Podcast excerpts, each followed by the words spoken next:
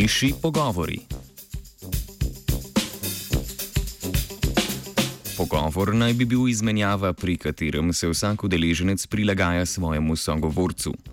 Pri ljudeh sicer pogosto ni tako, vendar so miši očitno bolj uljudni sogovorci od nas. Raziskovalci so v članku v reviji Science pokazali, da se Alstonove pojoče miši pri zvočnem sporazumevanju prilagajajo oglašanju drugih miši.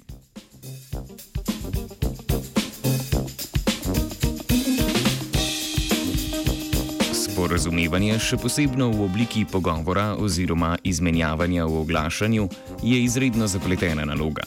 Od živali zahteva hiter odziv na signale iz okolice in dinamično prilagajanje obnašanja. Med pogovorom moramo poslušati, predelati slišano in se primerno odzvati v precej kratkem času. Takšni pogovori med živalmi niso redkost, sesalci, ptiči, dvoživke in drugi posegajo po njih pri iskanju partnerja ali merjenju moči med samci.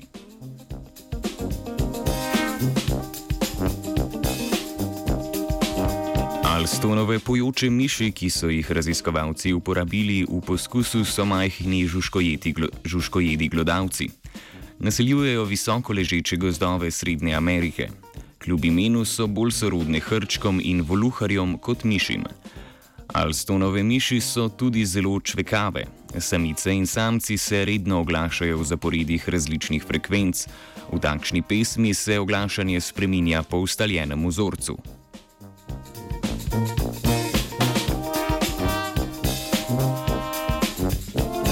Da bi ugotovili spremembo petja miši ob stiku z drugimi mišmi, so raziskovalci seznanili dva samca, stanovalca, ki je v tesni sobi bival vsaj en teden, in novo prispelega prišleka. Samca sta bila nameščena v sosednjih prostorih, tako da sta se slišala, vendar ne videla. Premestitev je imela velik vpliv na oglašanje prišleka.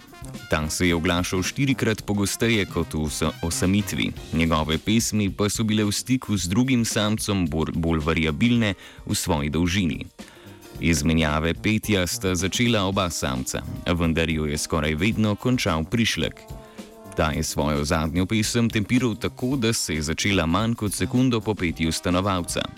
Prišlek je svoje oglašanje pogosto končal v trenutku, ko je začel peti drugi samec. Samca sta se tako izmenično oglašala v vzorcu podobnem pogovoru.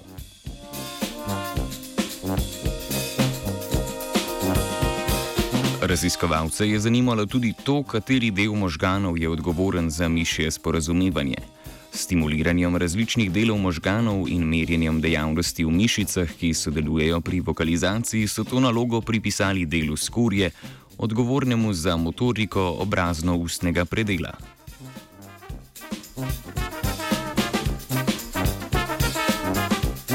Da bi se prepričali, ali ta del možganov v resnici vpliva na samo petje in ne zgolj na mišičje, so raziskovalci van ubrizgali muzik mol.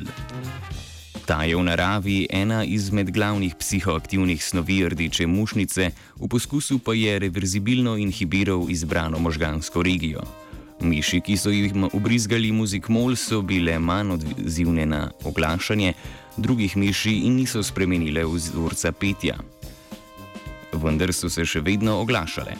Inhibirani del možganov je bil torej odgovoren izključno za spreminjanje petja v stiku s petjem drugih miši.